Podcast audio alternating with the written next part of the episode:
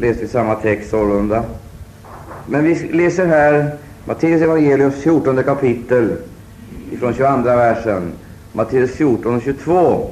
Det heter i Jesu namn. Strax därefter nödgade han sina lärjungar att stiga i båten och före honom fara över till andra stranden medan han tillsåg att folket skildes åt. Och sedan detta hade skett gick han upp på berget för att vara alena och bedja. När det så hade blivit afton var han där ensam. Båten var då redan många stadier från land och hårt ansatt av vågorna, till vinden låg emot. Men under fjärde nattväkten kom Jesus till dem gående fram över sjön. När då lärjungarna fick se honom gå på sjön blev de förfärade och sade, det är en vålnad, och ropade av förskräckelse. Men Jesus begynte strax tala till dem och sade, varen vid gott mod, det är jag, varen icke förskräckta. Då svarade Petrus honom och sade, Herre, är det du, så bjud mig att komma till dig på vattnet. Han sade, kom. Då steg Petrus ut ur båten och begynte gå på vattnet och kom till Jesus. Men när han såg hur stark vinden var, blev han förskräckt. Och då han nu begynte sjunka ropade han och sade, Herre, hjälp mig. Och strax räckte Jesus ut handen och fattade i honom och sade till honom, Du klentrogne, varför tvivlade du? När de sedan hade kommit upp i båten lade sig vinden, men de som vore i båten föll ner för honom och sade, Förvisso är du Guds son. När de hade farit över kom de till Genesarets land. Och när folket där på orten kände igen honom sände de ut bud i hela trakten däromkring, och man förde till honom alla som vore sjuka. Och de båda honom att allenast få röra vid hörntofsen på hans mantel, och alla som rörde vid den blev hulpna. Amen. Amen. Vi tackar dig, käre Herre Jesus Kristus, för att vi får röra oss med dessa realiteter som är så verkliga och gripbara att de, kära Herre Jesus, förmår förändra hela vår situation. Vi prisar dig, kära Herre, för att du har vunnit seger, halleluja, över alla makter som vill hindra eller hämma oss i vår efterföljelse och i vår vandring, kära Herre Jesus. Vi lovar dig för att vara öppnat våra ögon för de andliga verkligheter, kära Herre, som är våra genom ditt välsignade namn och ditt verk, kära Herre Jesus. Hjälp oss att vi icke blir åskådare, Herre Jesus. Hjälp oss att vi icke blir eh, beundrare allenast, men kommer in under ditt herravälde, in i din tjänst. Halleluja, halleluja! Fräls oss du, kära Herre, så blir vi frälsta. Fräls oss ifrån vår självupptagenhet, vårt vankelmod, vår hållningslöshet, vår feghet, ja, vår rädsla. Fräls oss in i kraft. Halleluja, fräls oss in, Herre, i tjänst. I ditt välsignade namn lovar vi dig. Halleluja, tack för vad du har gjort, kära Herre, och tack för vad du skall göra, ditt namn till ära och pris. Vi lovar dig därför. Sänk, kära Herre, denna välsignade nådens och helige Andes kraft ner i vårt hjärtas innersta väsen. Kära Gud, som vi bärare utav gudomliga gåvor, bärare utav gudomlig myndighet, bärare utav makt, kära Herre, så vi kan tjäna dig i överensstämmelse med din fullkomliga och goda vilja. Vi ärar dig därför. Tack att din härlighet bor genom tron i våra hjärtan, ty du tronar där, kära Herre Jesus, och vill utföra ditt välde i oss och genom oss. Tack och lov för seger. Vi välsignar ditt namn, o Jesus. Vi välsignar ditt namn, att du har frälst oss och köpt oss åt Gud med ditt eget välsignade blod. Äran skall du ha i evighet.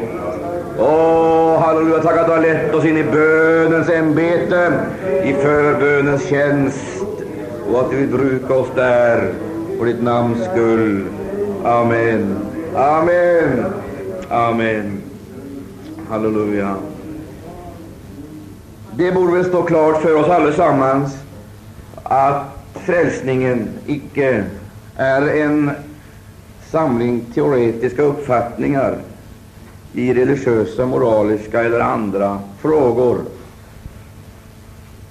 Frälsning handlar nämligen icke i första hand om teori. Och den handlar heller inte i första hand om ett yttre beteende. Och frälsningen handlar ej heller om tjänst och arbete. Frälsning är i första hand liv. Guds liv, Kristus liv.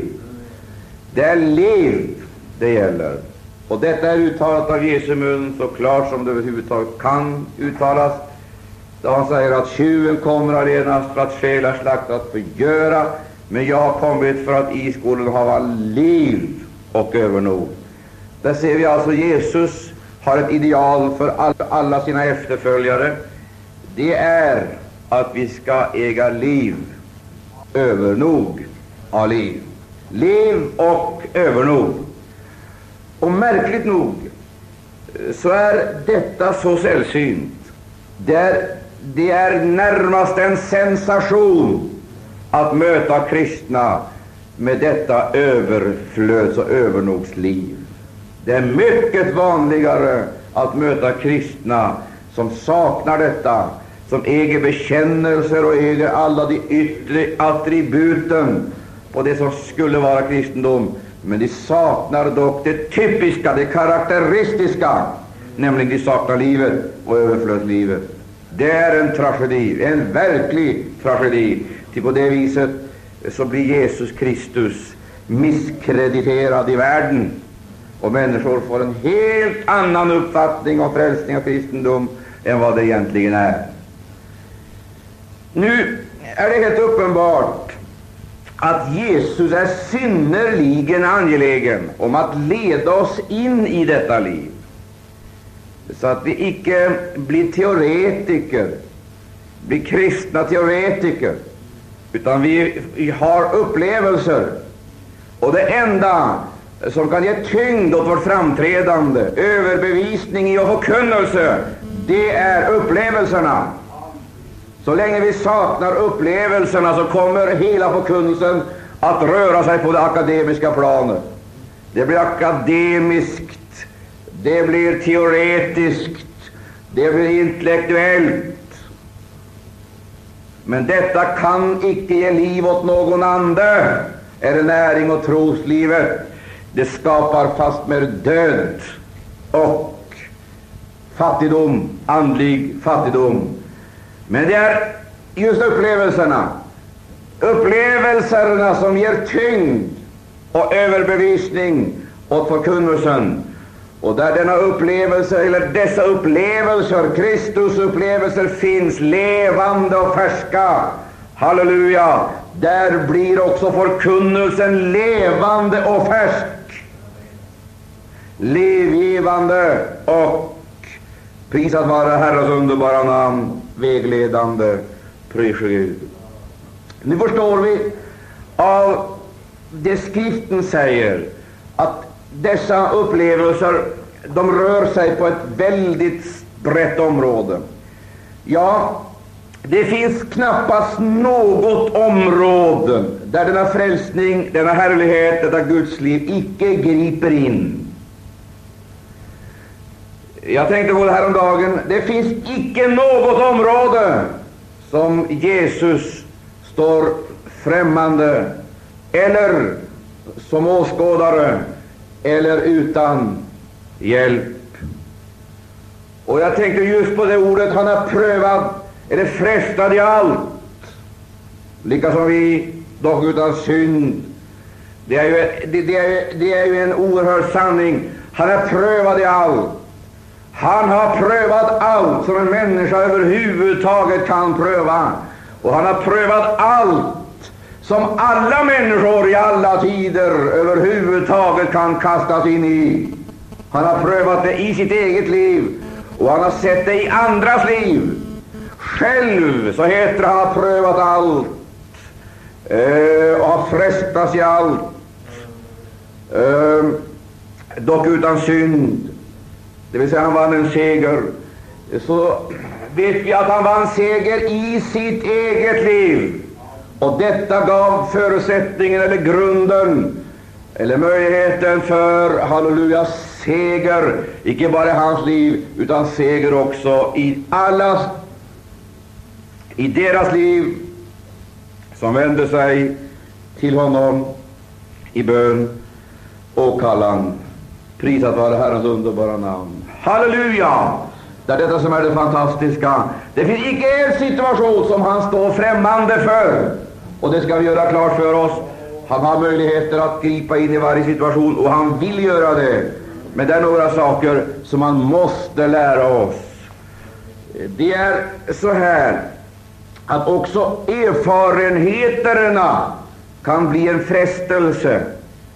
Eh, det kan bli en fara att vi, att vi slår oss till ro vid gjorda erfarenheter och stagnerar i någon upplevelse som vi förälskar oss i, eller kanske överbetonar.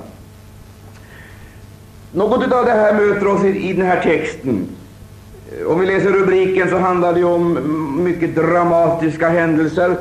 Många dramatiska händelser. Det heter Johannes döparen halshugges, Jesus bespisar 5000 män, går på vattnet, botar sjuka i Genesares land.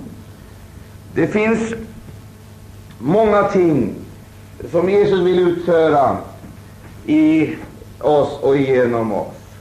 Men han gör det inte betingelser och villkorslöst. Han gör det endast under förutsättningen att han får herraväldet, att han får hand om ledningen, att han får hand om ledningen.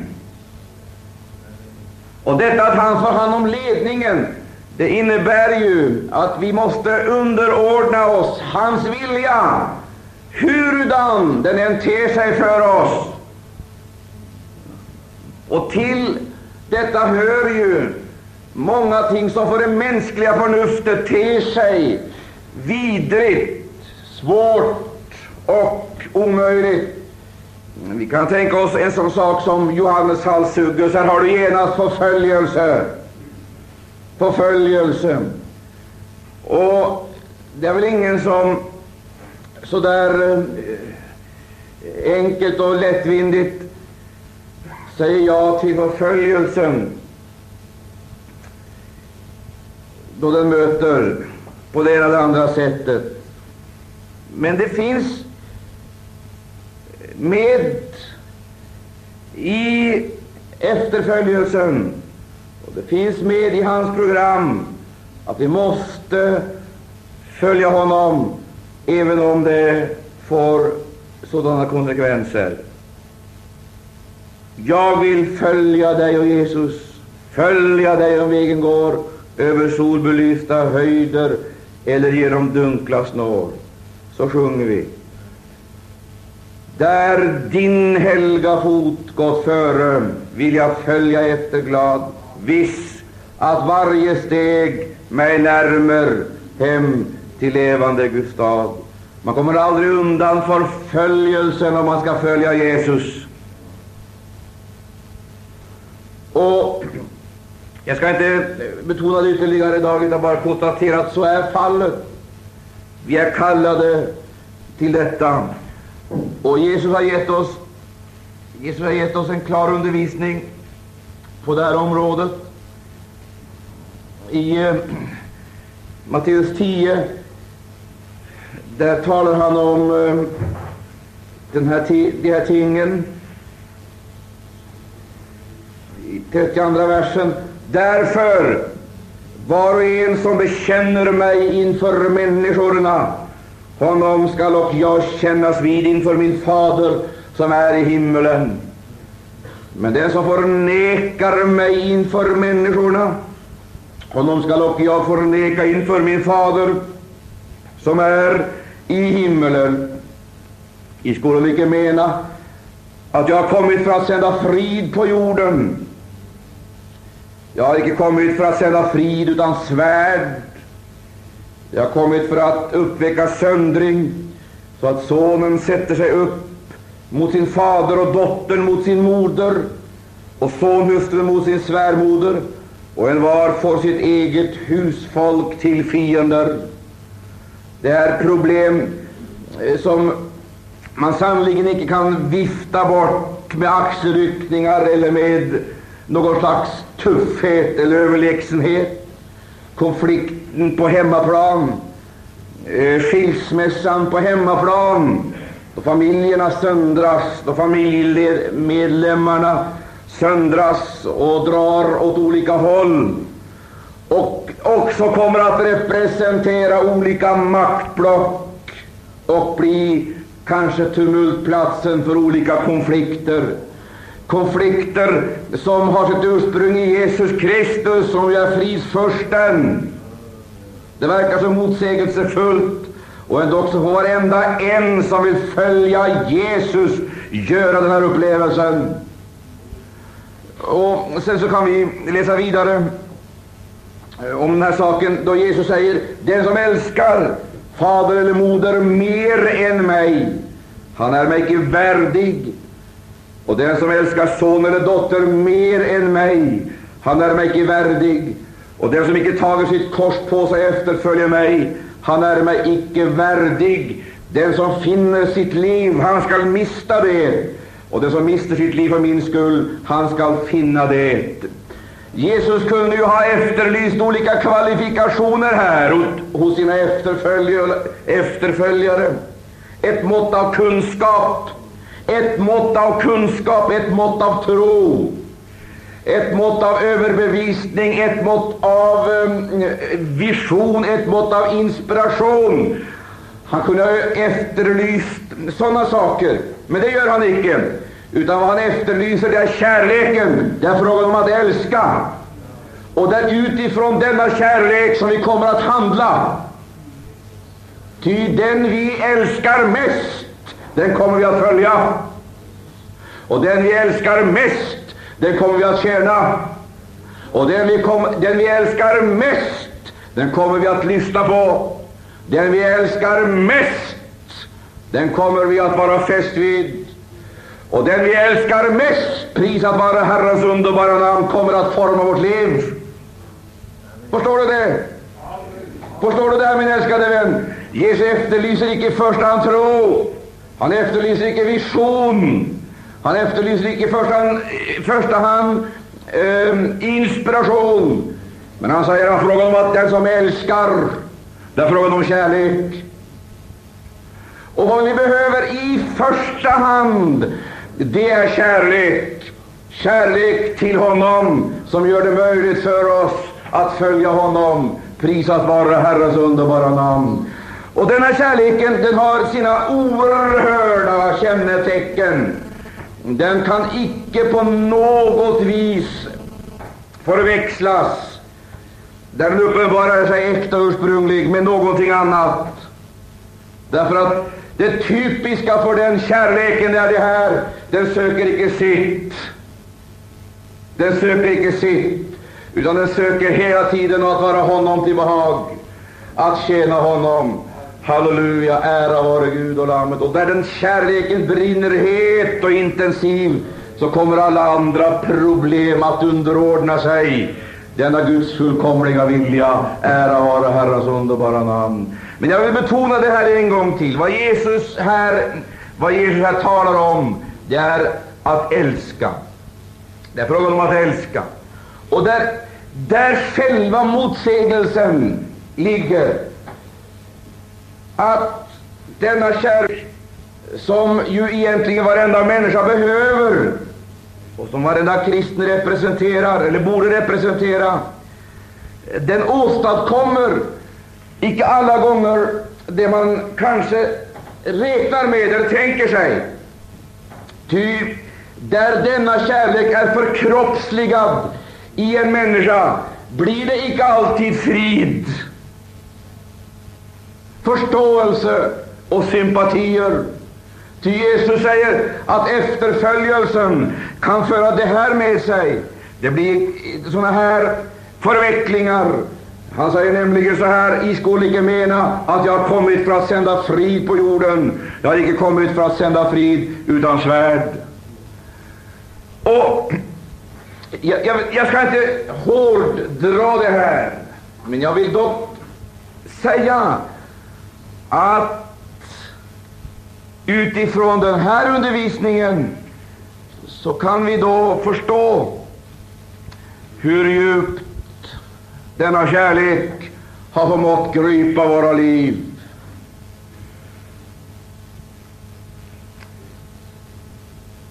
Det är inte säkert att det blir fred och frid, samförstånd och sympatier.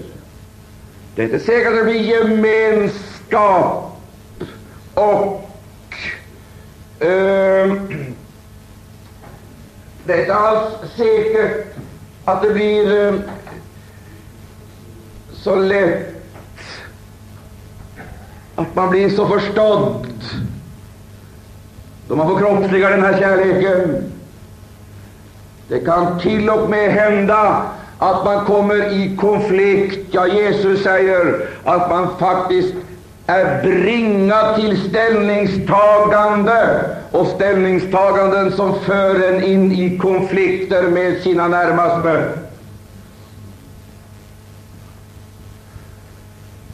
Vi vill inte ha den konflikten för konfliktens egen skull, men vi längtar efter det att följa Jesus. Och därför blir det strid. Och det är icke strid i första hand mellan kött och blod.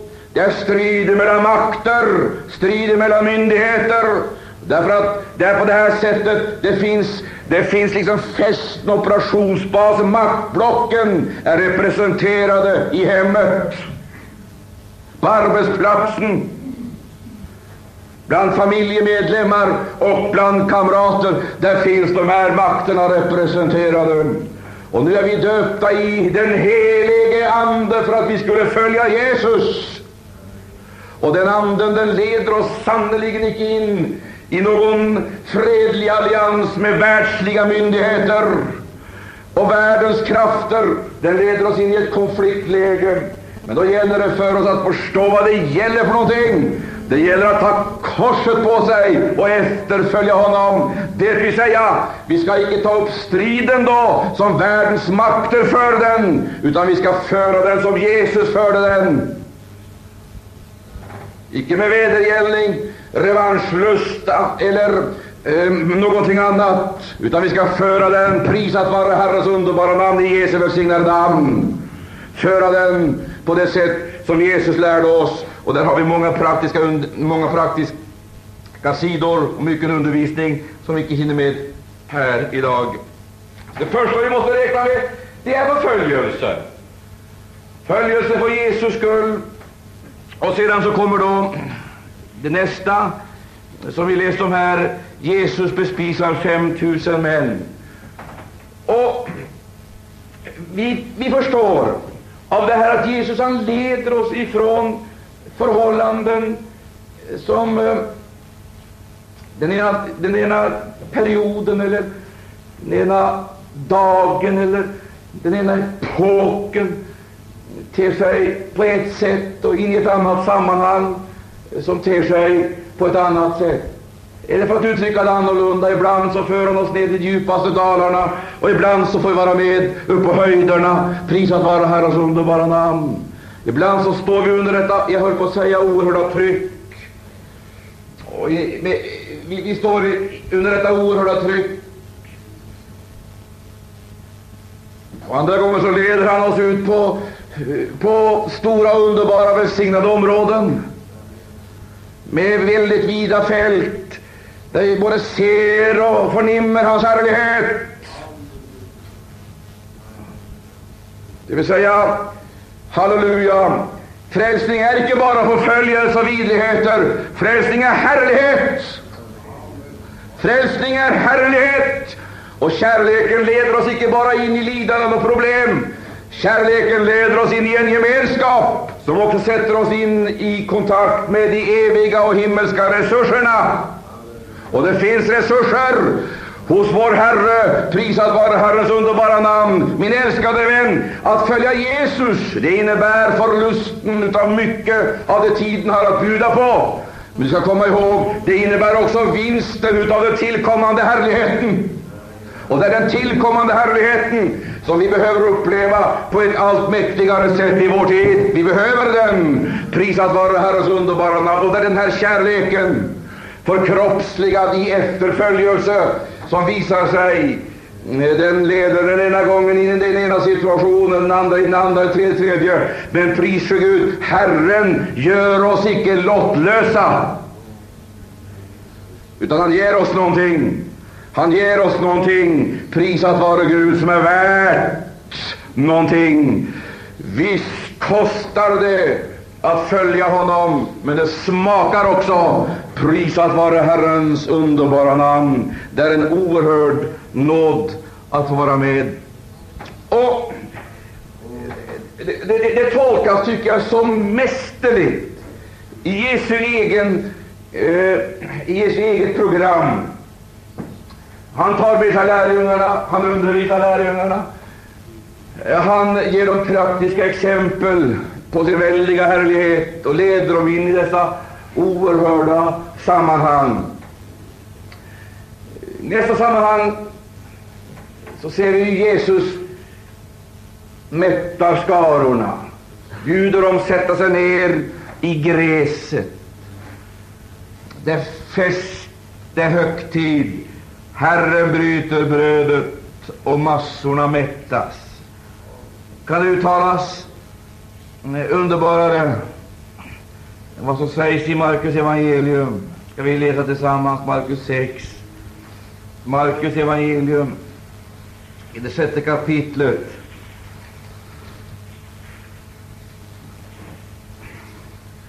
Och där heter det så här att han bjöd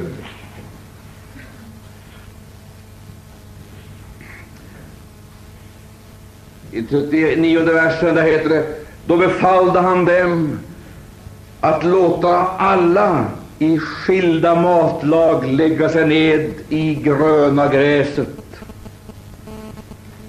Och de lägrade sig där i skilda hopar, hundra eller femtio i var. Och jag skulle vilja fråga, kan man se salmen 23 illustrerad på ett förnämare sätt än här i Jesu handlingar? Förföljelsen har vi läst om. Han dukar för oss ett bord mitt för våra fienders ögon. Jesus dukar bord. Vad ska man få mat till dessa väldiga skaror? Hur ska dessa väldiga skaror, hungrande skaror, kunna mättas? Han dukar för mig ett bord. Kom ihåg en sak, en sak min älskade, att trosfolk representerar väldiga resurser. Och varför ska vi inte läsa psalmen 23? När Jesus praktiserar det här så bokstavligt och direkt det finns ingen anledning för oss att överföra det här på det allegoriska eller symboliska planet. Jag skulle vilja säga precis så enkelt, rakt på sak och direkt vill Jesus se detta förverkligat i sin församling.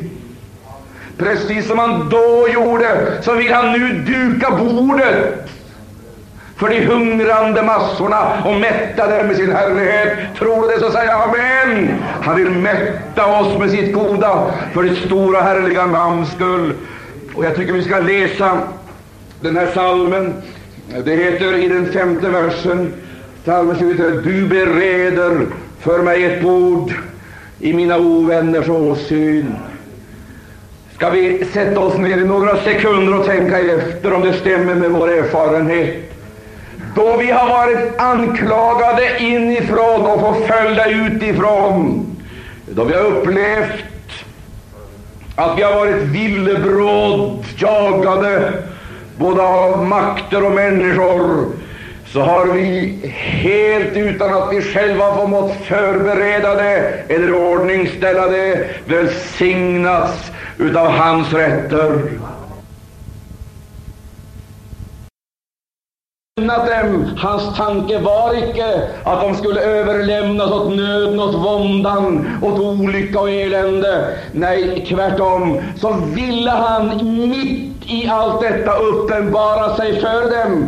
Och så ville han igenom det, han lät gå över deras liv, fostra dem för ännu större härlighet och ännu större myndighet och ännu större makt så att vi kunde bli ännu bättre rustade att förmedla hans välsignade gåvor. Halleluja, halleluja, halleluja, halleluja. Ära vare den som har känt nöd i sitt hjärta, vånda i sitt hjärta, känner igen sig nu. Ty när vi var mitt inne i det så upplevde vi att det var någonting som bar oss. Det var någonting som bar, halleluja. Och då vi trodde att vi trodde att sorgen skulle dränka oss i sina vågor, så kände vi en underström av glädje, en glädje som för, förvisso uppvägde allt vad sorg eller bekymmer kunde åstadkomma. Hallå, tror du det? Har du upplevt det? Har du varit med om det? Sådan är Jesus nämligen. Prise Gud. Och vi ska läsa, du bereder för mig ett bord i mina ovänners åsyn. Du smörjer mitt huvud med olja och låter min bägare flöda över. Godhet allenast och nåd skola följa mig i alla mina livsdagar, och jag ska åter få bo i Herrens hus evinnerligen. Åh, låt oss läsa det här en gång till. Du bereder för mig ett bord i mina ovänners åsyn. Du smörjer mitt huvud med olja och låter min bägare flöda över. Godhet allenast och nåd skola följa mig alla mina livsdagar, och jag ska åter få bo i Herrens hus evinnerligen. Och jag har sjungit med Einar Ekberg i veckan som ligger bakom, har jag sjungit sådan är han än idag, vår store Gud. Sådan är han än idag, vår store Gud. Stämmer det? Är han sådan, så säg amen. Sådan är han än idag, vår store Gud. Han har förvisso icke, han har förvisso icke ändrat sig, utan förbliver densamme intill evig tid. Så bjuder han alltså att denna väldiga skara skall i matlag slå sig ned i gräset. Och så slog man sig ned i gräset i grupper, 50 och 100. Vi kan läsa det som det står i Markus 6. I Markus 6 och 45.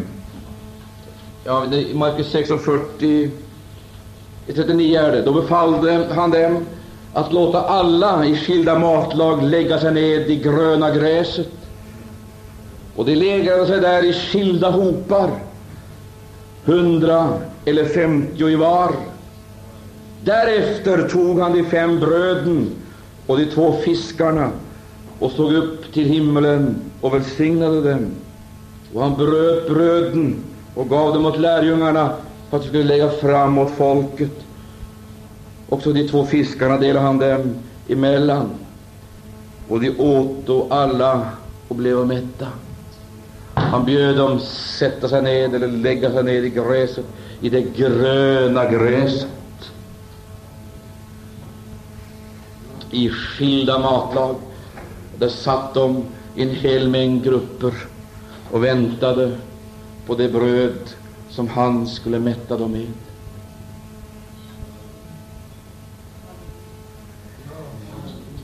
Det är inte bara en vacker bild det här, som är värd att påminnas om, utan det här är en underbar realism. Och jag, jag, ska, jag, ska bara, jag, jag ska bara snudda vid det, även om det är ett underbart ämne att se alla dessa matlag som sitter och väntar på det välsignade brödet, som förmedlas till dem utav apostlarna jag, jag, jag, tycker att det är så välsignat. Jag ser i de här församlingarna, icke bara, icke bara de här grupperna som fanns där vid det här tillfället, Men Jag ser hela hushållningen, församlingens tidshushållning. Och den församling som hungrar efter rättfärdighet, hungrar och törstar efter rättfärdighet. Liksom har dragit ut för att följa honom, för att höra honom. Jag ser de här lokala församlingarna på tusentals och miljontals platser. Det är tio, det är femtio, det är hundra, det är hundrafemtio. De sitter och väntar på brödet som har välsignats ifrån höjden och som förmedlas till dem genom apostlarna. Och jag har en känsla av att en sån där eh, församling, en sån där grupp är det som här idag på förmiddagen bildligt talat har slagit sig ner i gröngräset. Vi har kommit hit med vår hunger, vi har kommit hit med vår törst. Vi har kommit hit, och varför har vi kommit hit? Och vi har kommit hit för att mättas utav detta livgivande bröd som kommer ned ifrån himmelen. Och vi har bildligt talat slagit oss ned i gröngräset, där vi sitter. Halleluja, halleluja, halleluja! Vad har han då till sitt förfogande som kan mätta oss idag? Han har precis det vi behöver, det är det han har. Och han kommer icke med några surrogat eller dåliga ersättningar. Han kommer med det ursprungliga, det, det genomäkta, det livgivande, det kraftiga. Det som välsignar, det som ger kraft, det som ger näring. Så när vi går hem härifrån idag, ära vare Gud, så går vi hem mättade i vår ande och vi jublar över att vår Gud är densamme, prisat vara Herrens underbara namn. Vi har mättats och då denna tomhet i vårt eget väsen har fyllts med Guds eget ord, då kommer vi också i harmoni, icke bara med skaparen, vi kommer också i harmoni med skapelsen. Då vi är mättade kommer vi, behov, kommer vi i harmoni med skapelsen, och vi jagar icke längre materialismens surrogat, utan vi börjar istället söka Guds rike först. Till vi är mättade utav hans välsignade ord. Gud var evigt lov. Och jag vill säga det här en gång till. Vi är en sån där församling, lokal församling, som har slagit oss ned i gröngräset. Och vi väntar ifrån honom. Herre, till vem skulle vi gå? Vart skulle vi ta vägen? Till vem skulle vi gå? Vad skulle vi söka tillfredsställelse? Vad skulle vi söka hjälp? Vad skulle vi söka vår räddning? Herre, vi har en gång för alla lämnat allt och följt dig. Du trädde in över vårt livs tröskel. Vi löstes ifrån både det ena och det andra. Vi stod upp och följde dig. Men nu har vi bränt alla broar bakom, vi har kapat alla fördämningar, vi har kapat alla, vi har kapat alla förtöjningarna, och vi har börjat följa dig på lydnadens väg. Till vem skulle vi gå? Vem skulle vilja ta emot oss? Vem skulle, vilja kunna, vem skulle kunna mätta oss? Vem skulle kunna tillfredsställa vårt, eh, vår själs begär och vårt andes behov? Ingen. Vi säger som fordom, du har det eviga livets ord. Och vad vi behöver, det är detta Guds ord. Prisat vare Gud och Lammet. Det är det Guds ordet som kan mätta vår ande, ge näring åt vårt trosliv, så vi kan bli det han vill vi ska vara, hans tjänare. Pris för Gud i detta försoningens ämbete. Den här högtidsstund, den har sitt slut. Det vill säga, det är ingen utav oss som får sitta i den här mottagande ställningen hela livet. Gud ger, men han bjuder oss också att förmedla. Och Gud som samlar oss Han skiljer oss också åt. Så att vi inte bara kommer till honom för att mättas, men kan gå ut till andra för att mätta. Och det är det här som är så oerhört intressant i Jesu undervisning. Det är liksom ingenting som saknas. Det är ingen sida som uteblir. Då han gör någonting, så gör han det så att man ser helheten och sammanhanget. Han vill inte att vi ska fastna i någon sektor eller någon detalj, att vi ska haka upp frälsningen på någon enskildhet.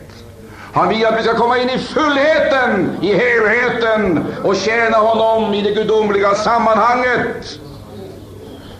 Så vi förstår att här är det inte frågan om att bara tillgodose mina egna behov, utan här är det frågan om att förmedla, att vara förmedlare och förvaltare utav gudomliga resurser. Och jag måste säga, jag ber om det här, och jag ber om det natt. Jag vet inte om, jag ska, om man ska tala om sina böneämnen alla gånger. Men ibland så kanske man ska göra det. Och det att kunna förmedla. Det är en sak att ta emot. Det kan man göra, det kan man göra ganska enkelt. Men om man ska kunna förmedla så tarvas det att man är rörd i sin personlighet på ett annat sätt. Och jag kommer in på ett område nu som jag knappast kan klara av här på förmiddagen idag. Och det handlar om förkrosselse. Man kan inte förmedla någonting om man inte har ett krossat hjärta. Ty har man icke ett krossat hjärta, så förmedlar man bara någonting utav sig själv. Intrycket av förkunnelsen, intrycket av sången, intrycket av framträdandet, det är individerna, personerna. Man ser människorna, man ser eh, deras skönhet, eh, man ser deras vackra drag, man ser deras utstrålning eller någonting annat. Man ser deras förtjänster eller defekter. Men hela tiden så kommer man att vara upptagen med individer och personer. Vet du vad det beror på? Man har kanske tagit emot, men man är inte krossad och därför kan man ingenting förmedla annat än sig själv. Man kan förmedla sin talang, sin naturliga utrustning, man kan förmedla sin sång, men man kan inte förmedla någonting förblivande, bestående, någonting evigt, någonting som har djup dimension. Utan att när Eh, mötet är slut och man har skilts. Herren som kallade har också skilt oss åt. Och vi återvänder till den vardag där vi möter svårigheterna, där vi möter förföljelserna. Så kommer vi icke tomma, ihåliga och urholkade med mänskliga argument eller mänskliga inspirationer. Vi har icke överfört våra egna känslor på människorna, utan vi har gett dem andlig orientering, vägledning, kraft och stöd så att de kan möta vardagen rustad på ett sådant sätt att de kan vinna seger också på den onda dagen.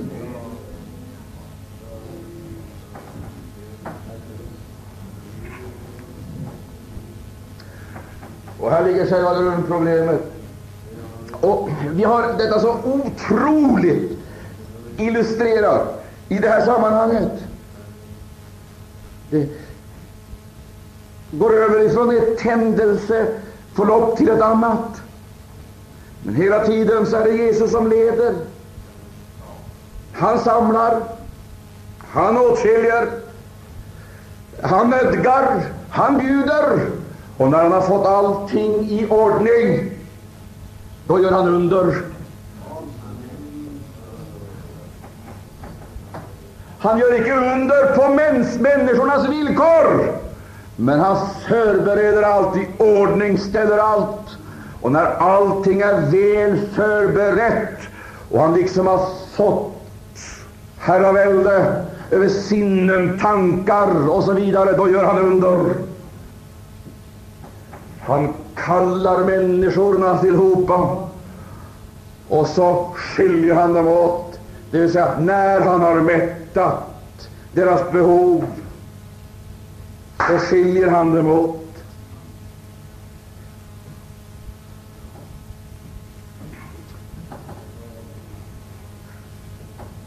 Ibland så drar han ut på tiden, andra gånger så kortar han av det. Han låter ingen gå tomhänt bort gå hungrande bort. Han mättar behovet, men när det är mättat så avslutar han och så sänder han dem hem. Så det ligger en oerhörd visdom här. Därför att vi upplever att den Jesus vi har med att göra, han kommer till oss gång på gång. Men vi förbrukar det han ger oss på ett felaktigt sätt. Vi pratar ihjäl genom att dra ut på kanske både möten och dra ut på gemenskap. Vi tror att vi vill ha så mycket som möjligt, eh, så mycket som möjligt. Vi vill ha så mycket som möjligt genom att så länge som möjligt vara tillsammans med varandra. Och nog är det underbart med denna gemenskap. Men det heter Jesus skilde dem åt. Själv gick han upp på berget och var ensam. Men han skilde inte bara folket åt och gick upp på berget. Han tog också lärjungarna bort ifrån folket och satte dem i botten. Och det här är otroligt viktigt. Det finns ett församlande i Jesu namn, men det finns också ett åtskiljande i Jesu namn. Du, det finns heliga sammankomster då Guds församling är tillsammans. Men det finns stunder då vi måste vara ensamma, och båda sakerna måste vi lära oss. Det finns tidpunkter då Jesus träder fram tillsammans med sina lärjungar. Men det finns tidpunkter då han drar dem bort ifrån massan, drar dem upp på berget, eller också föser ut dem på sjön. Och så kommer de bort ifrån idyllen i gröngräset, ut på det stormiga havet. Det var också en nödvändig upplevelse.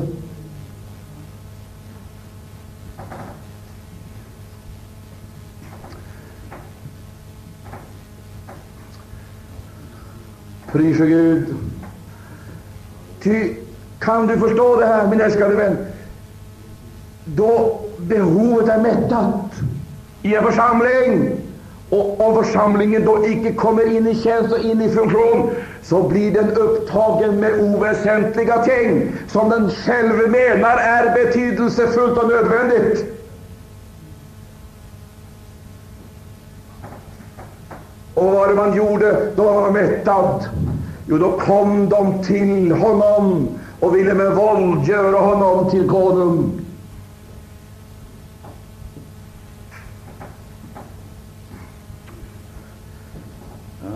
Man kan ju tycka att det var ju det var ett erkännande. Det var en upphöjelse värd och uteslutande värd Jesus Kristus och ett erkännande att göra honom till konung. Men Jesus skulle inte bli konung på det sättet. Halleluja! Ära vare Gud och Lammet. Han skulle inte bli konung på det sättet, visst inte. Han skulle bli konung, men inte så. Till hans uppgift var icke att mätta våra tillfälliga behov för stunden, för minuten, för timmen. Hans uppgift var icke att lösa våra kortsiktiga problem. Gud vare lov, han skulle icke bara bli konung inom en liten sektor på den här jorden. Han skulle bli konung bara för en liten grupp, ett släkte. Halleluja, halleluja, halleluja! Han skulle bli jordens konung genom att återerövra jorden ifrån Satan. Ära vare Gud och Lammet. Och hela jorden skulle omfatta hans herravälde. Ja, hans herravälde, det omfattar allt.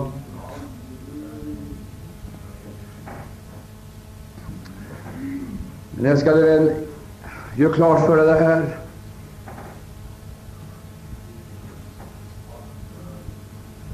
Vi är inte här för att tjäna eller betjäna människor i första hand. Vi har kommit för att göra Guds vilja. Kommit för att göra Guds vilja.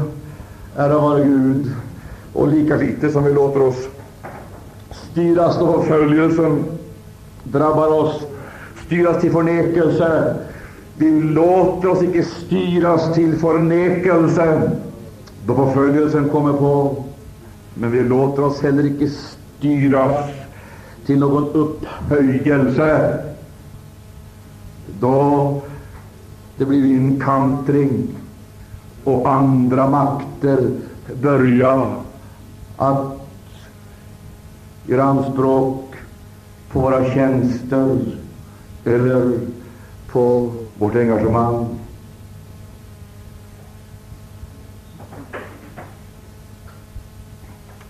Varken förföljelse eller upphöjelse får hindra oss. Till både det ena och det andra är av tillfällig art.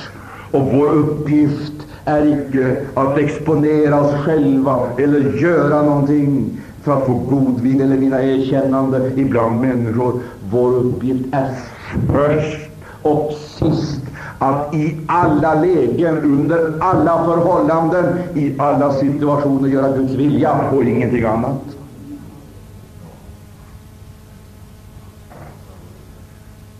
Åh, prisat vare Herrens underbara namn. Jag tror att det ligger en mycket klok och visdomsfull åtgärd i detta. Att innan förslagen förs fram, förslagen som skulle göra Jesus till konung, så har han nödgat lärjungarna att gå i botten och före honom fara över till andra stranden. Till om de icke hade varit därifrån i det läget, i det läget så är det sannolikt att det hade blivit en konflikt. En konflikt omedelbart efter det fantastiska mötet. En konflikt om den fortsatta verksamheten och utvecklingen efter denna händelse.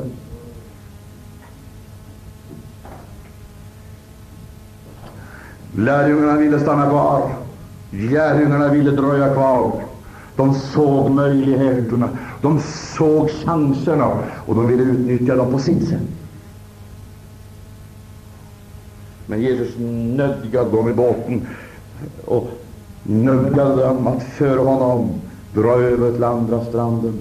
Och så förde han dem in i en ny situation. Halleluja! Halleluja! Och jag skulle vilja säga, där knäcktes lärjungarna på ett nytt sätt, på samma gång som de också på ett nytt sätt upprättades.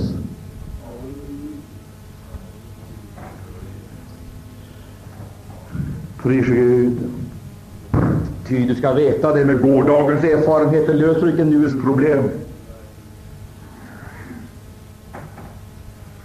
Och innan du har gått hela vägen ända fram till slutet så har du inte lösningen på alla situationer. Men det finns en som har gått hela vägen ifrån början till slutet och det är Jesus. Prisat vare Gud och Lammet. Han är förtrogen med allt, han vet allt, han kan allt, han förstår allt. Och därför så kan han gripa in i alla situationer. Prisat vare Herrens underbara namn därför. De gav sig iväg ut och kom ut i en storm där yrkesmän upplevde sin oerhörda begränsning. Halleluja! Där dessa sjövana män som hade kämpat med elementen praktiskt taget hela sitt liv upplevde krafter som de sannerligen inte kunde betvinga. Där i natten, där kommer Jesus till dem, vandrade, vandrande på havet. Och det vatten som får lärjungarna var ett kaotiskt, stormigt hav, det var för Jesus en stilla, halleluja, ära vare Gud och Lammet, en stilla flod.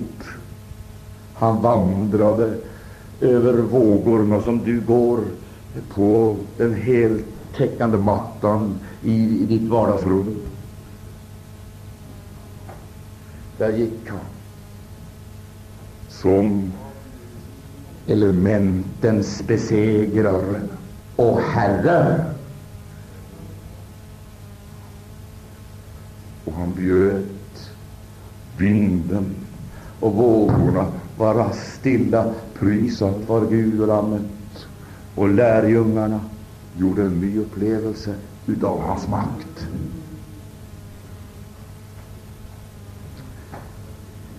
På samma sätt, mina älskade vänner, så behöver vi göra klart för oss att ska vi kunna tjäna honom så behöver vi göra nya erfarenheter med honom. Vi behöver göra upplevelser idag som kan lösa nuets problem. Vi tackar Gud för det vi fick uppleva igår, 1960 och 1965 och 1967. Men min älskade vän, det är ingenting att lösa nuets problem med.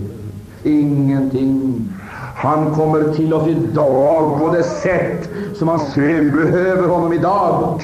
Kommer han till dig för att lösa din situation och för att lösa lärjungarnas situation och för att iståndsätta oss så vi kan möta de nya behoven hos nya människor. Till de man kommer över på andra stranden, då gör han tecken och under. Halleluja, ära vare Gud och Lammet och möter de väldiga behov som kom honom till mötes. Jesus förmår också lösa din situation. Därför anförtro dig med tillförsikt till honom och låt honom få hand om styrningen, ledningen och du ska komma rätt. Även om det Han ser se helt annorlunda ut.